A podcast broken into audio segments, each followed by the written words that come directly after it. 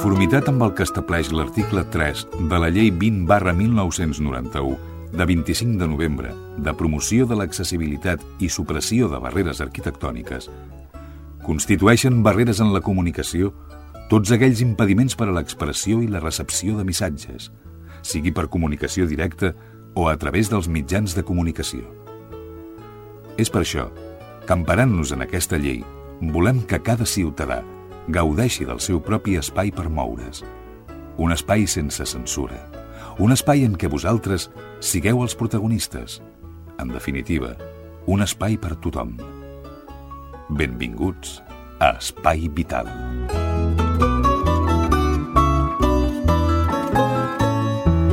Senyores, senyors, què tal, com estan? Benvinguts, ben trobats un dia més a un programa més. De fet, l'últim d'aquesta temporada, l'Espai Vital.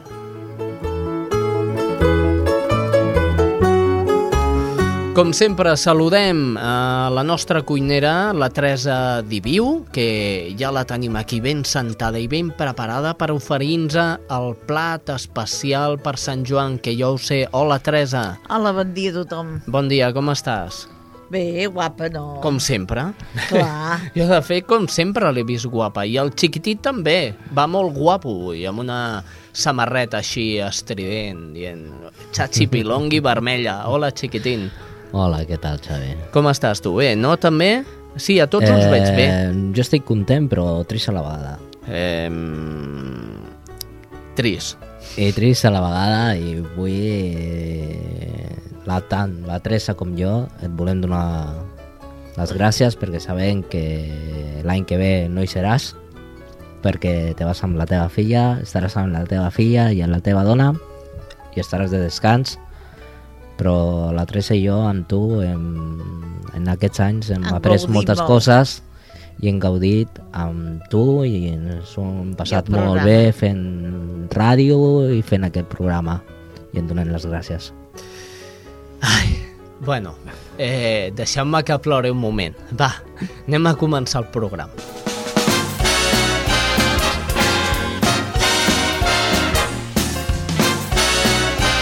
Espai Vital, el primer programa adaptat de les zones.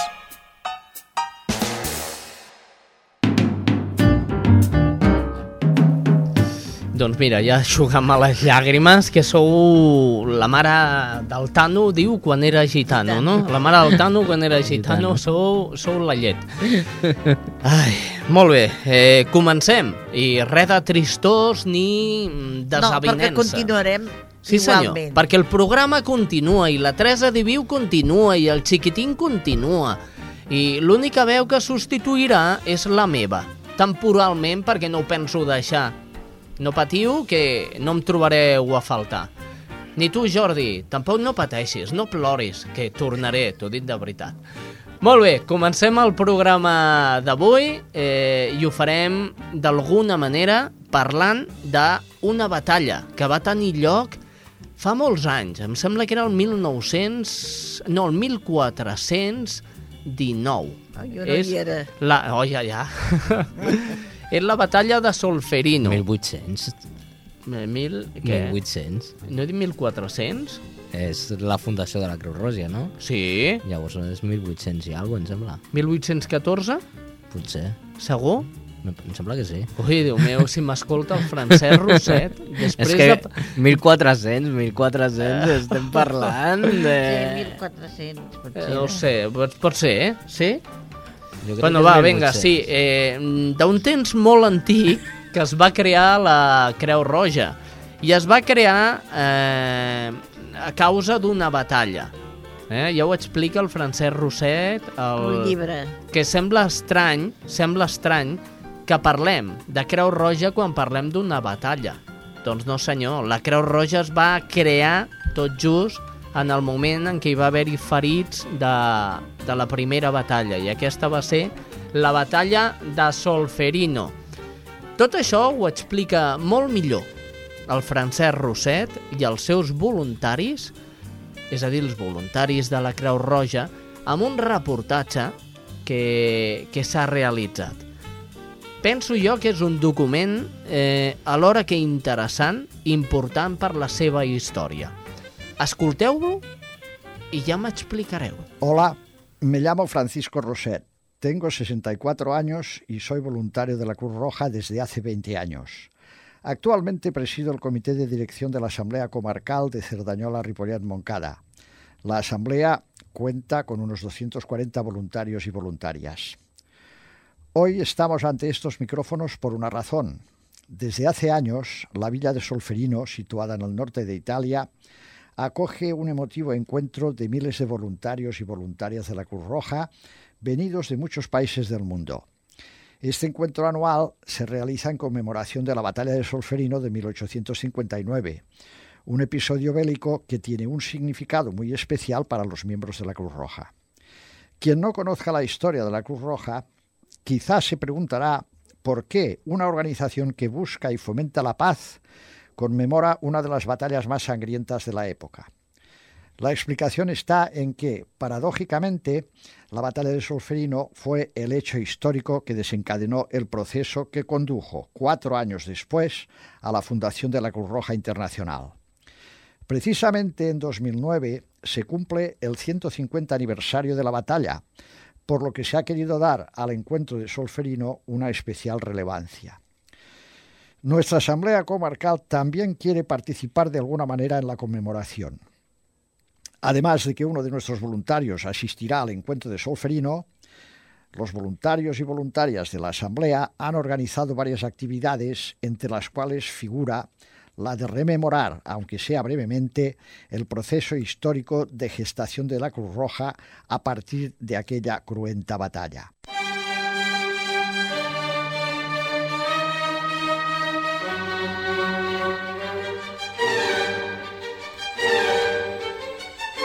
Retrocedamos en el tiempo hasta el viernes 24 de junio de 1859.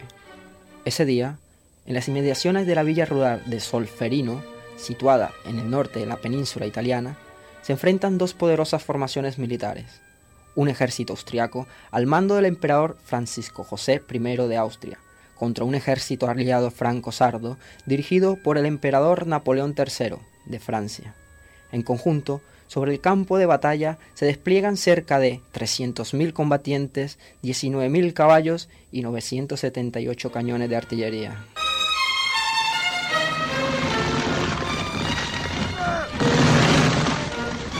A las 3 de la madrugada suenan los primeros disparos. La batalla, que no conoce ni un minuto de tregua, se recrudece y encona por momentos. A las 6 ya se pelea encarnizadamente. Durante toda la mañana, bajo un sol de justicia, los combatientes se matan unos a otros con tal furia que resulta difícil imaginar que el corazón humano pueda albergar tanto furor. Poco a poco, la victoria se va decantando a favor de los aliados. En el transcurso de la tarde, los austriacos, ante el empuje del enemigo, se ven obligados a abandonar una por una sus posiciones. Finalmente, hacia las cuatro, reciben la orden de retirada general. Los vencedores no persiguen al enemigo derrotado.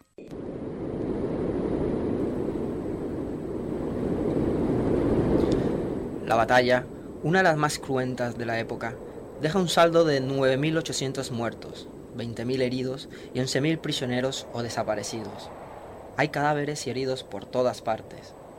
Cuatro días después todavía se recogen heridos del campo de batalla.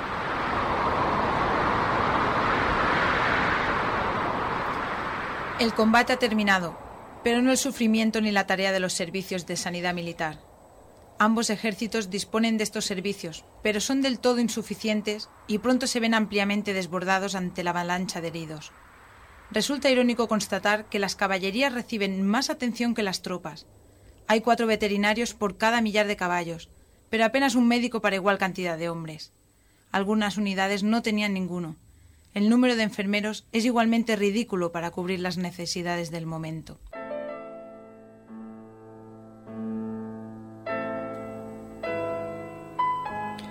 A la escasez de recursos humanos se suma la de material sanitario de todo tipo. La falta de instrumental apropiado impide realizar muchas operaciones quirúrgicas de urgencia.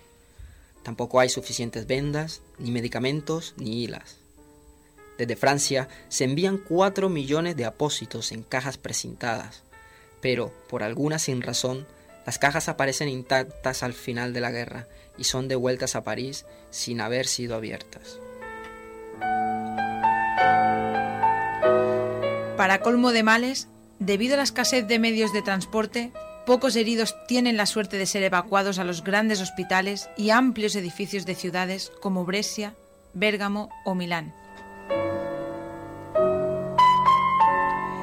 Castiglione del Estiviere, pequeña villa cercana al campo de batalla, hay 9.000 heridos amontonados de cualquier manera en las calles, plazas, casas e iglesias. Para atenderlos, solo hay seis médicos militares franceses. Los médicos trabajan a destajo y hacen prodigios, pero es imposible atender a todos los heridos.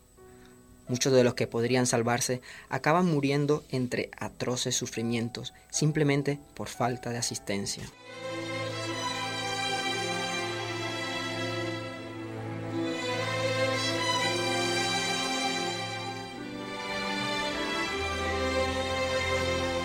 Al anochecer del 24 de junio, poco después de la batalla, llega a Castiglione un ciudadano suizo de 30 años recién cumplidos llamado Henri Dunant.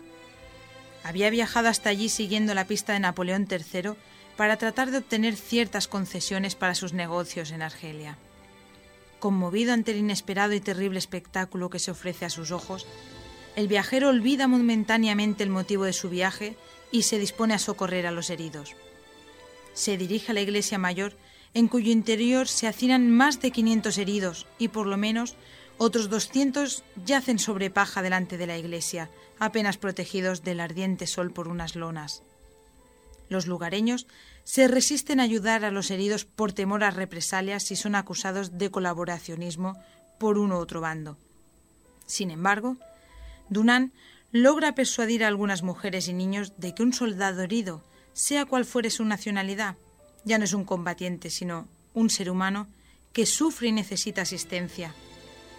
Bajo el lema de Sono tutti fratelli, todos somos hermanos, prestan socorro a los heridos sin discriminación.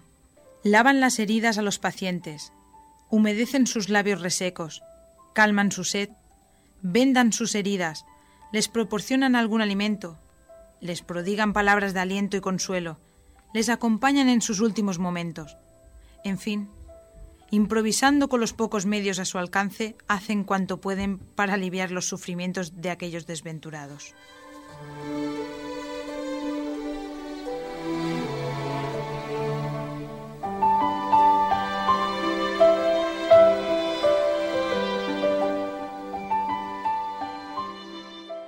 Vale la pena hacer un pequeño inciso para destacar que ese socorro prestado sin distinción de nacionalidad, raza, religión, condición social ni credo político, pasó a formar parte de uno de los siete principios fundamentales de la Cruz Roja.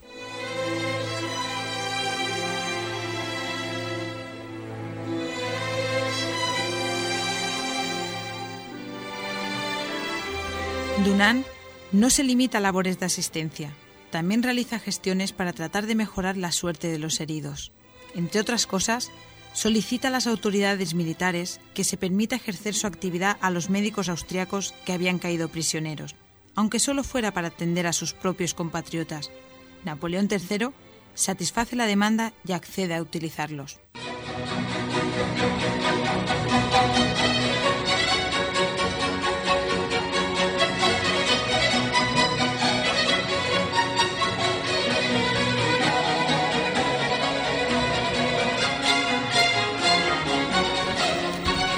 Tras varios días de febril actividad, Dunant emprende viaje de regreso a Ginebra, su ciudad natal, a donde llega el 10 de julio de 1859. El tiempo pasa, pero Dunant sigue obsesionado por las escenas vividas en Italia. ¿Cómo se podría aliviar en el futuro tanto sufrimiento a los militares heridos en combate, debido, en parte, a la crónica escasez de recursos de los servicios de sanidad militar? Tiene una brillante idea y escribe Recuerdo de Solferino, un librito en el que relata con crudeza y realismo los avatares de la batalla, los sufrimientos de los heridos y lo que es más importante, propone una solución en forma de una pregunta que resultaría crucial para la fundación en 1863 de la futura Cruz Roja Internacional. En el libro, Dunant indica, ¿No se podría, durante un periodo de paz y tranquilidad, fundar sociedades de socorro cuya finalidad sería prestar o hacer que se preste en tiempo de guerra asistencia a los heridos mediante voluntarios dedicados, abnegados y bien calificados para semejante obra?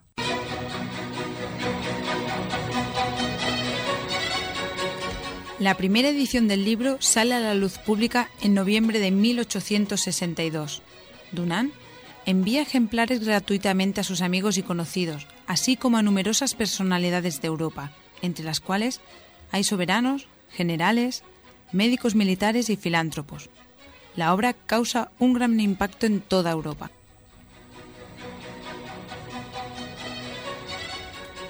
Entre sus lectores hay un influyente abogado de Ginebra, llamado Gustave Maynier, en quien las propuestas de Dunant despiertan gran interés. Pero, ¿cómo llevarlas a la práctica? Moynier visita a Dunant para tratar este asunto. Como fruto de la visita, se constituye, con un nombre muy significativo, aunque un poco largo, el Comité Internacional Permanente de Socorro a los Militares Heridos en Tiempo de Guerra. Lo integran únicamente cinco miembros, el general Dufour, el abogado Moynier, los médicos Mounier y Appia y el propio Dunant.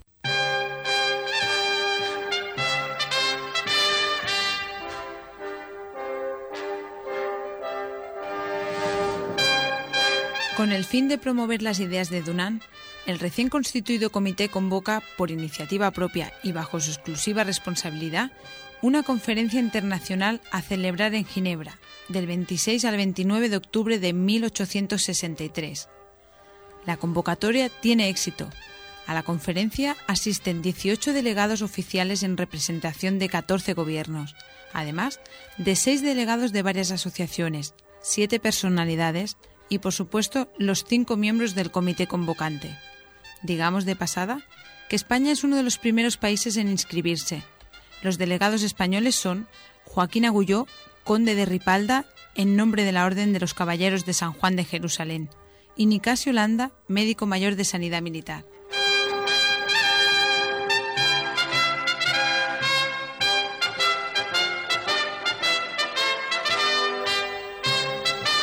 Tras arduos debates, el 29 de octubre de 1863, la conferencia, en base a un proyecto de concordato preparado por el comité, aprueba un documento con 10 resoluciones y 4 votos o recomendaciones, que constituye el acta fundacional de la Cruz Roja Internacional.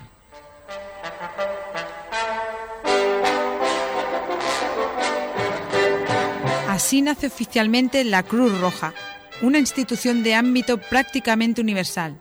En la actualidad, está presente en 186 países.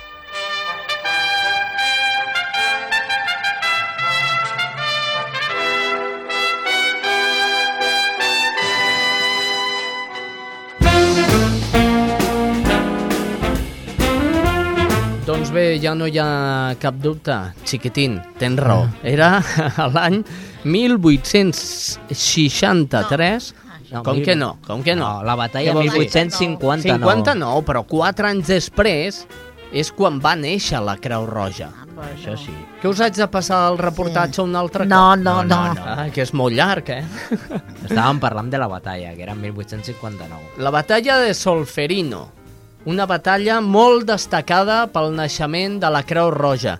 I, de fet, i aprofitant aquest reportatge, eh, tots els voluntaris que hi van ser a la gravació del mateix van demanar eh, que tots els que vulgueu col·laborar amb la Creu Roja us feu voluntaris, que no val diners i en canvi ajudareu a moltes persones a ser més feliços.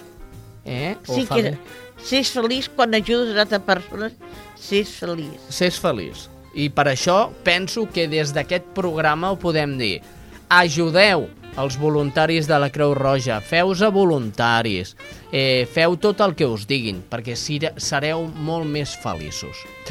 Molt bé, fet això, què us sembla si fem un tom pel Vallès Occidental, per les diferents emissores que eh, que ho produeixen Espai Vital i coneixem així quina és l'última novetat en quant a la notícia sanitària. Doncs vinga, va, anem a fer la volta. Com sempre, comencem amb Cerdanyola. Allà es troba la Mònica González. Hola, Mònica. Molt bon dia, Xavi. La Diputació ha cedit més espai del recinte de Flor de Maig a la Fundació Catalònia. L'alcalde de Cerdanyola, Antoni Morral, assistia la setmana passada a la signatura del conveni entre el president de la Diputació de Barcelona, Antoni Foguer, i el president de la Fundació Pro Persones amb Disminució Psíquica a Catalunya, Vicente Conca, pel qual la Diputació cedeix, com dèiem, més espai d'aquesta finca. Amb aquesta sessió, la Fundació augmentarà la seva capacitat d'assistència assumint un grup de malalts mentals amb discapacitats eh, que fins ara estaven al recinte Torribera i també ampliarà el nombre de places per a persones amb discapacitat intel·lectual i trastorns de conducta. Actualment, el recinte Flor de Maig, a propietat de la Diputació de Barcelona, acull també el Centre de Formació i Treball Flor de Maig de la Generalitat de Catalunya per a persones amb necessitats educatives especials. En el torn d'intervencions, l'alcalde de Cerdanyola, Antoni Morral, reiterava el seu compromís amb la Fundació, la que considera part del patrimoni de la ciutat, pel temps que porta treballant des de Cerdanyola i pel gran servei que ofereix als ciutadans.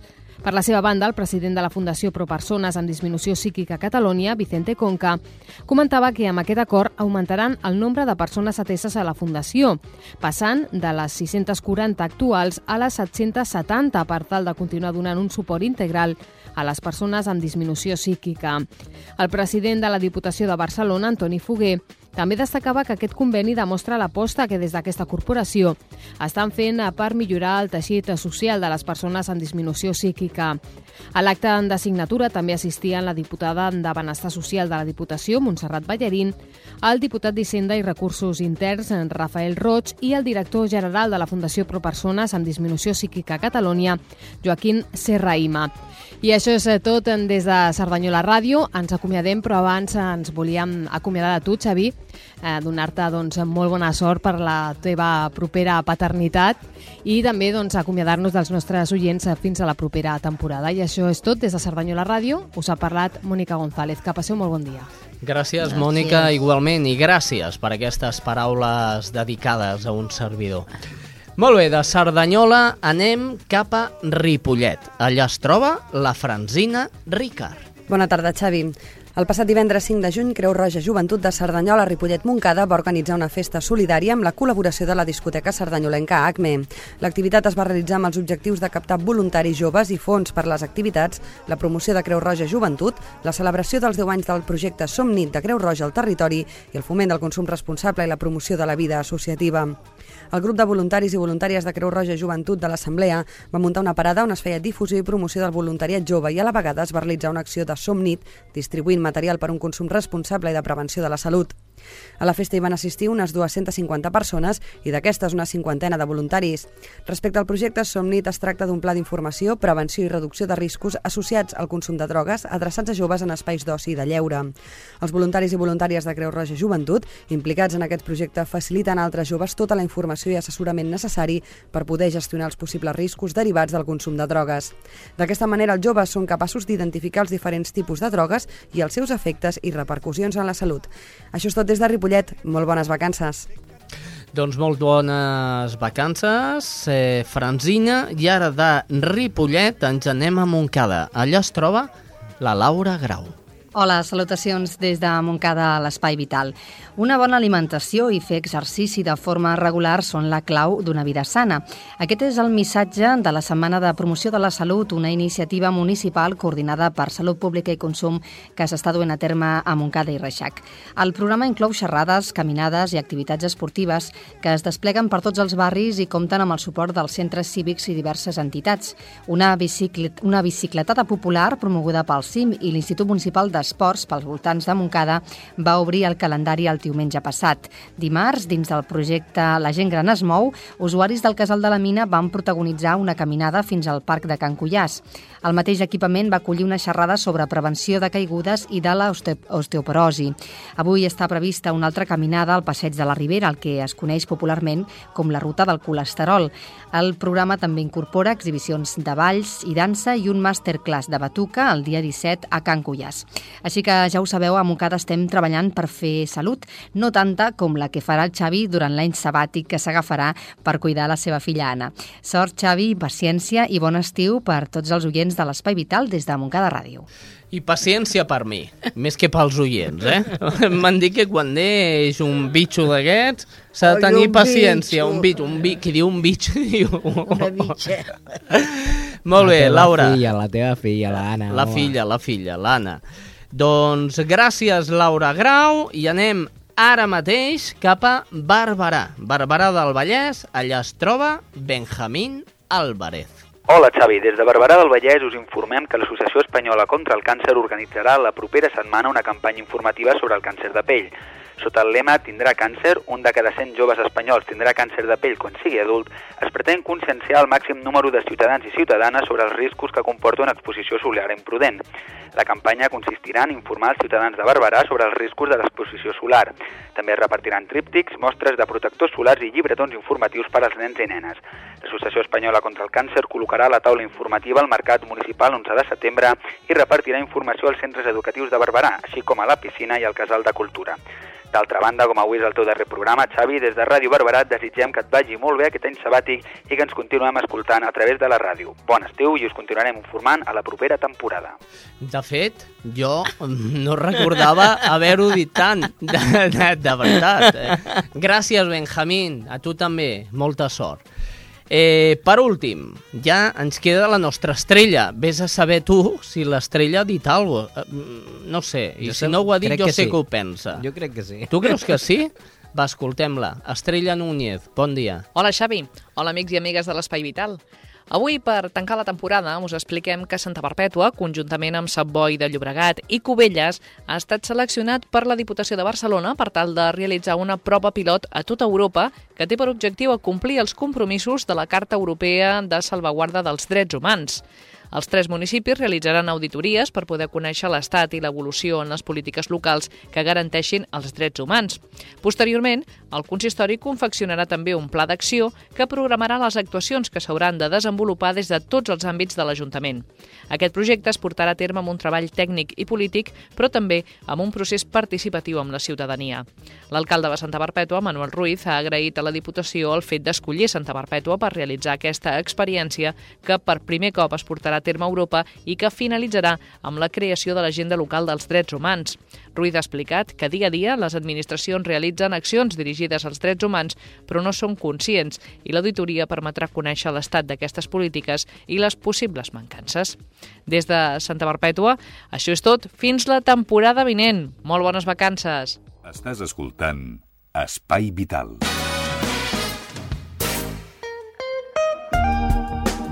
El proper 27 de juny i dins del marc de la Festa Major de la població de Rubí, el Club Minusvàlids Horitzó de la, mateixa població realitza la Festa de l'Esport Adaptat.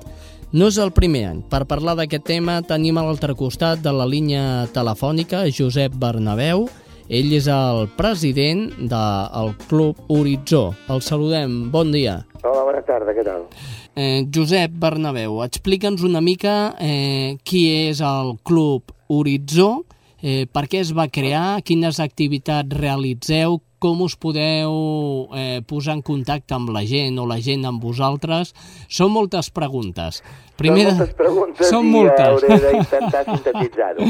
Comencem des del començament. Qui és eh, la, el Club Horitzó? El Club Minusvàlids Horitzó és una entitat sense ànim de lucre amb un sol objectiu, que és la promoció i la divulgació de l'activitat física i l'esport adaptat allà on hi hagi un projecte.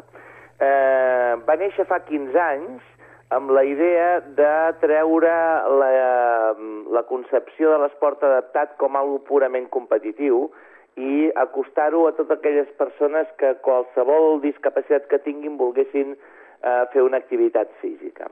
Aleshores, eh, la seu social està a Rubí, però nosaltres treballem a sis municipis eh, d'arreu de Catalunya i hem treballat a d'altres.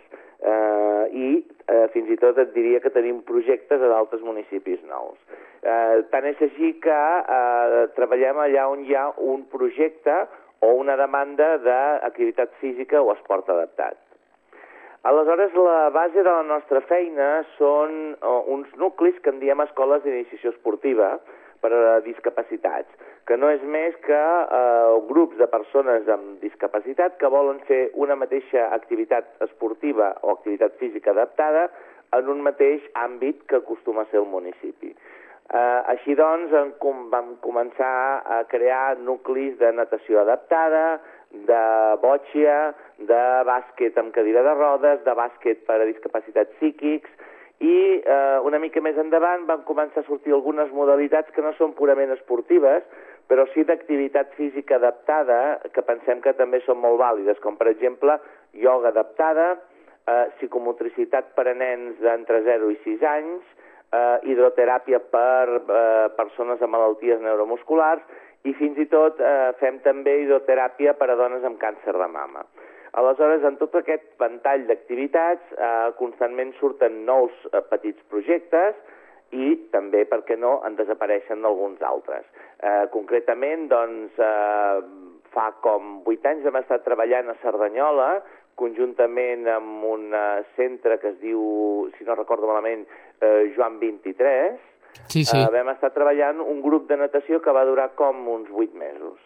Eh? I aquesta és una mica la filosofia i el tarannà de l'entitat. Qualsevol persona que ens estigui escoltant i tingui, en aquest cas, fills o familiars discapacitats, Mm. eh, pot accedir a totes aquestes activitats que Sí. proposeu. Sí, eh, no sols pot accedir-hi, és a dir, el ventall d'activitats resta obert a tothom que, que vulgui accedir-hi sempre que tinguem vacants en, aquell, en aquella activitat en concret, eh? N'hi ha algunes que sí i unes altres que ja estan completes. Però més enllà d'això, eh, si hi ha entitats o hi ha grups de persones amb discapacitat a algun municipi que volen fer alguna cosa, a nosaltres ens agradaria també eh, que depositessin la seva confiança en nosaltres per intentar eh, entrar doncs, en, els, en els ajuntaments d'aquests municipis i eh, veure si realment ja hi ha un servei d'esport i d'activitat física adaptada o proposar crear-lo. Eh? Per tant, totes aquelles eh, doncs, demandes que es generin per part de les persones discapacitades o de les associacions, doncs nosaltres eh, les podem recollir i intentar que d'allò que de la idea en surti un fet concret i una activitat sistemàtica. Molt bé, treballeu per, m'has dit, per molts ajuntaments en aquest cas. I Bueno, no que... sé si molts. En aquest moment estem treballant eh, molt a Terrassa, a Rubí, a Badia del Vallès, a Sabadell, a Premià de Mar i a Barcelona.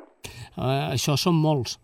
Bueno, eh, no, no en tots els casos hi ha ajuntaments pel mig. En alguns casos, per exemple, com és el cas de Barcelona, eh, es tracta d'una fundació privada, la Fundació Esmen, que ens va encarregar un grup de gimnàstica rehabilitadora per discapacitats psíquics. Eh? Eh, en el cas de Premià sí que hi ha l'Ajuntament de Premià, però eh, nosaltres l'activitat la tenim via Associació Segle XXI, que és l'associació de discapacitats eh, físics que hi ha allà en aquella població. És a dir, hi ha diversos models de, de convenis i d'aconseguir que es eh, creïn activitats que sigui el que sigui, tots són bons perquè al final la finalitat és, és aquesta, no? que es generin cada vegada més activitats per a persones amb discapacitat. I en aquesta idea eh, veu crear ara fa temps la Festa de l'Esport Adaptat. Quina edició de la festa és? Mira, és, és molt nou tot plegat. Nosaltres ja portàvem anys donant-li voltes al fet de que després de tantes activitats que funcionen d'una manera continuada i sistemàtica durant tot el curs escolar, mmm, quedava una mica fred el tancar dient, bueno, doncs tal dia és l'últim dia, deixem-ho aquí i ens tornarem a retrobar a l'octubre. I va ser l'any passat la primera edició d'aquesta festa. Enguany serà la segona. Eh, si em permets, m'agradaria explicar quina és la filosofia d'aquesta festa. Endavant. Val, doncs, a, a veure, aquí el que volem és fer un acte lúdic, un acte de trobada de totes les persones eh, que tinguin una discapacitat o no i vulguin compartir amb nosaltres un matí d'esport adaptat.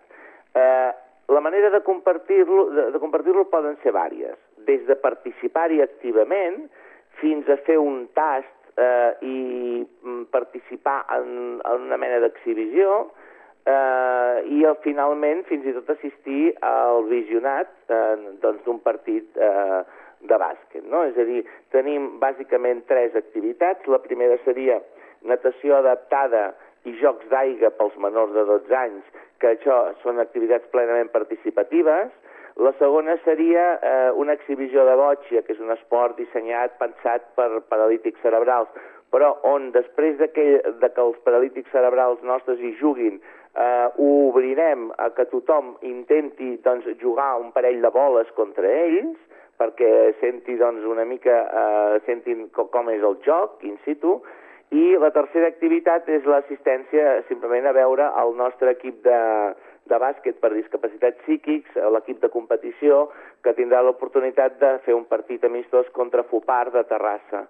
Eh? Una mica, doncs, per tant, eh, cobrim tot el ventall d'activitats i de modalitats d'activitats. Adopteu, per entendre'ns, eh, només permeteu a la gent que té una discapacitat física accedir amb això o també hi entra la psíquica? No, no, no. Eh, la participació està oberta a qualsevol persona que tingui una discapacitat. És més, en el tema de, de la botxa, eh, permetrem que hi participin persones no discapacitades, perquè el que volem és acostar l'esport a tota la trama social. Eh? Eh, en el tema de la natació sí que volem que siguin persones amb discapacitat perquè volem que siguin elles qui tinguin el protagonisme d'aquells moments de, de natació adaptada. En el tema de la botxa ho deixarem obert perquè tothom faci un tast i en el tema del bàsquet senzillament és assistir a presenciar el partit. Doncs molt bé, i dintre del marc de la festa major de Rubí, que sempre queda millor, no? Perdó? I dic que dintre del marc Sí. de la festa major, Sí. que queda sempre molt millor. Sí, nosaltres eh, eh, ja ho vam fer així l'any passat, que va ser la primera edició, i enguany hem tornat a repetir les dates precisament per emmarcar-ho en la festa major i eh, aprofitar, a més a més, que eh, es celebra aquest any el 15è aniversari de la fundació de l'entitat. Per tant, aquest any esperem que la festa, si pot ser, surti encara millor que l'any passat. Molt bé, recordem el dia 27, de juny. de juny Mm. eh, serà de 9 a 2, després hi ha un dinar que opcionalment tothom també s'hi pot inscriure, i si em permet, doncs, eh, dono la informació per les inscripcions d'aquelles persones que puguin estar interessades, tant a nivell de participació com a nivell d'assistència o simplement a donar-se un tom per les instal·lacions esportives de Can Rosés de Rubí i viure-ho doncs, d'una manera externa, és a dir, el format el pot escollir tothom. Eh? Mira, els nostres telèfons eh, serien els següents. El telèfon del, de l'oficina seria 93 697 8212. El telèfon de la direcció tècnica del, del club, que és la senyora Mireia Villar, seria el 690 715 445 i el meu telèfon eh, també em poden trucar, per què no? 630 066 202. La veritat, molts números, eh? Ja de telèfon. Molts amb- números. També tota aquesta informació Sí. eh, la poden tenir aquells que ho vulguin consultant la nostra pàgina web Mhm. www.horitzó.org o eh, demanant informació per internet on surten també tota la nostra, totes les nostres dades. Molt bé, us recordo el telèfon que ens ha donat el senyor Bernabeu, que és el 630 066 202. No crec que tingueu ningú dubte. Per tots els oients d'Espai Vital, ja teniu el telèfon, ja sabeu el dia de la festa i a on és la festa. Josep Bernabeu, eh, li agraïm moltíssim la seva atenció amb Espai Vital i esperem que passi molt bona festa major i molt bona festa de l'esport adaptat. Gràcies i bon dia. Gràcies a vosaltres i per descomptat que hi esteu convidats. Estàs escoltant Espai Vital.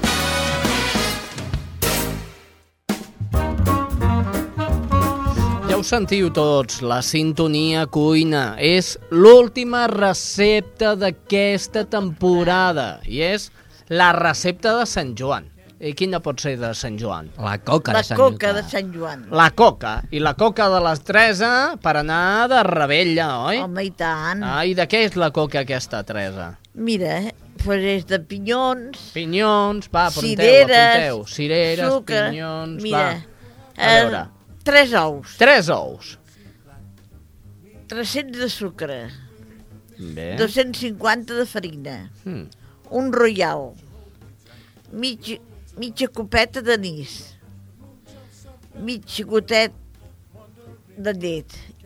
A l'anís que no falti. Home, i tant, perquè de quedat, més no? Sí, però jo no puc beure alcohol. Vale, no, vale. és que allò, com que aquí és cuit, ja no es troba. Es troba per la substància del... El gustet. Sí, el gustet. El gustet. Però eh? no queda... Vale, llavors menjaré, llavors menjaré. Sí. bueno, ja m'has perdut el fil. Anàvem per la llet, em Per sembla. la llet, sí.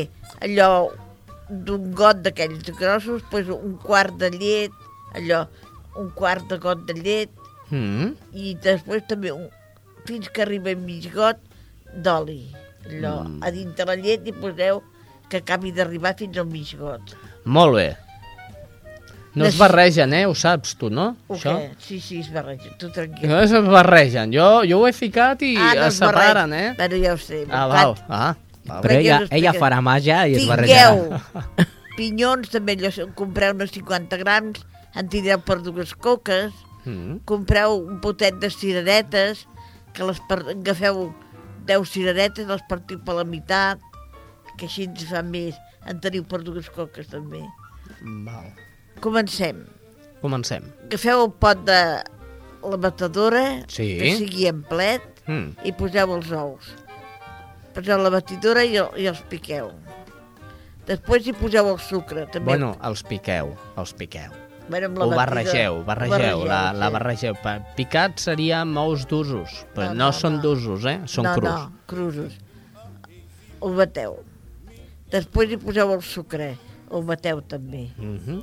Quan hàgiu batut, ja que és d'això, poseu la farina també. La farina i el royal, ho bateu. Després, hi tire... sí, la farina i el royal, sí, ho, ho bateu. I tireu la mitja, aquella mitja copeta d'anís, també ho bateu. I poseu l'oli i, i la, la llet, també, tot batut. Però antes de fer tot això, escalfeu el forn. Ah, Que sigui calent, ben calent. molt bé, a 180 graus, Sí. a dalt i a baix. A dalt i a baix. De Molt moment bé. a dalt i a baix. Bé, Que feu la llauna d'anar al forn, que Sí. sigui el tet, a menys 3, 3 dits o 4 ha de tenir, perquè això puja bastant. ah, molt bé, molt bé. La unteu amb una mica de mante mantequilla o margarina, allò que tingueu. Sí. Unteu la llauna, Mm. poseu un pessic de farina que, que s'escampi per, per la llauna, que així no s'enganxa tant. Sí. Bueno, doncs i quan hi posem tot el que hem batut a la batidora ho posem allà que la llauna. Tot el merder. Sí. Ja ho podeu posar en el forn. El forn... Ja has ficat el sobre de Royal? Sí, amb la farina es posa. Ah, val, val, val. Ho poseu en el forn a sota, només que sigui obert el de sota. El de sota només. Sí. I ja veureu que com pugi allò bastant, que ja, ja hagi pujat bastant, Mm. tireu els pinyons per sobre. I poseu també les mitges cireretes per sobre. I poseu també sucre. Sucre glacé d'aquell o de normal? l'altre, normal, Normal, val. que es trobi. I ho deixeu una miqueta més que acabi de pujar. Com veieu que ja ha pujat del tot, obriu, en quan tanqueu a baix i obriu a dalt. Bé, Obriu a dalt, que és... S'enrossegi, no? Sense rossatge, però vigileu-lo que de seguida estarà. Molt bé, molt bé.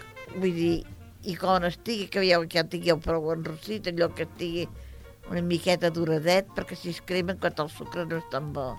Mhm. Doncs ja ho podeu apagar, ja teniu la, la coca fàcil de fer i molt bona, que ja m'han felicitat, ja he donat moltes vegades aquesta recepta en senyores per allà al carrer. Jo us recomano que us acosteu a la nevera, traieu l'ampolla de vi dolç eh? Sí. i l'acompanyeu amb vi dolç, Sí, dolcet. sí, sí. Eh que sí? Molt bé, doncs arribat a aquest punt és moment del cercador, el xiquitín, el nostre amic. Som-hi!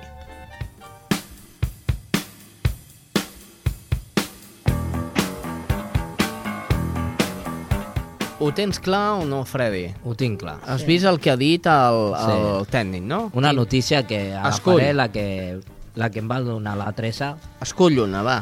Fes-ho amb el dit i ja Aquesta. l'anunciaré jo. Aquesta és la que més t'agrada. Sí, sí, me la va donar la Teresa, me la va donar la Teresa. No sé, no sé, eh? Diu, Fundació Puigverd transplanta un ronyó per laparoscòpia per primer cop al món. La paroscòpia és només un foradet petit i ho fiquen com si fossin uns palillos a dintre per col·locar el ronyó. Penso que és força interessant, ben escollida. Mm.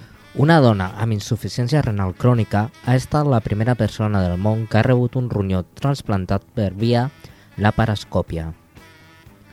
Segons s'ha informat aquest matí l'equip quirúrgic del Servei d'Urologia de la Fundació Puigverd, que ha fet aquesta complexa operació, el director del Servei d'Urologia, Humberto Villavicencio, ha fet pública avui la intervenció després de donar de alta la pacient, que ha quedat ingressada després de l'operació durant 14 dies i ha sortit de l'hospital amb una funció renal normal.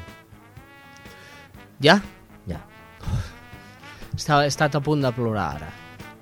Ara he estat a punt de Perquè plorar. s'haguessin fet el tall, oi? Eh, Ja t'ho dic, sí, ja està. És que aquesta notícia em feia il·lusió perquè me la va dir la Teresa fa dos dies, justament.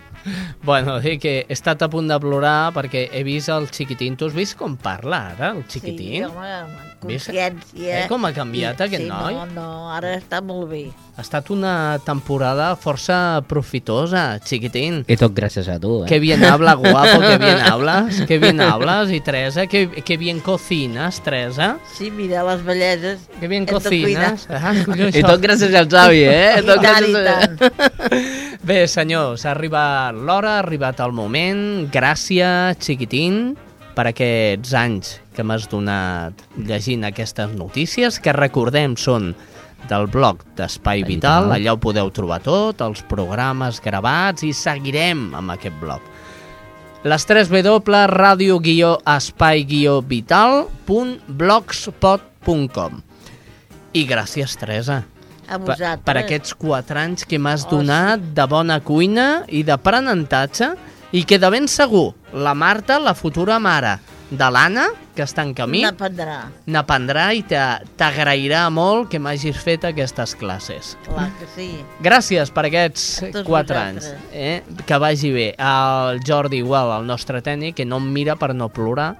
Eh, gràcies per la tasca feta durant tants anys. I jo tornaré la temporada vinent. O no, o sí. Bé, ja us informaran. jo us deixo el xiquitín i la Teresa i ells que us vagin dient. Apa, marxem. Aquesta cançó el Jordi me l'ha dedicat perquè sap que m'agrada. És My Way del Frank Sinatra. Ja m'ho pensava jo que posia Sinatra. I, tan I tanquem micros. Apa, fins la temporada vinent que a mi em donarà per plorar. Va, adéu. I'll state my case, of which I'm certain. I've lived a life that's full. I traveled each and every highway and more, much more than this. I did it my Regrets, I've had a few, but then again, too few to mention. I did what I had to do, and saw it through without exemption. I planned each charted course, each careful step along the byway, and more, much more than this, I did it my way. Yes, there were times I'm sure you knew when I bit off more than I could you. But through it all, when there was doubt,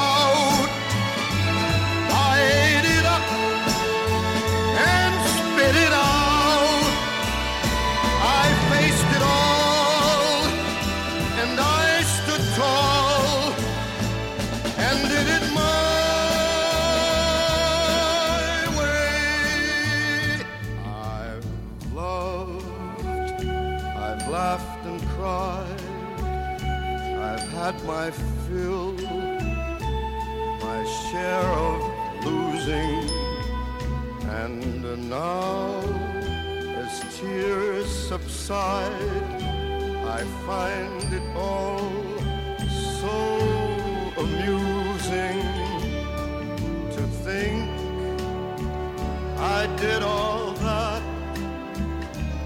And may I not in a shy way, oh no, oh no, not me. I did it my way. For what is a man? What has he got? If not himself, then he has not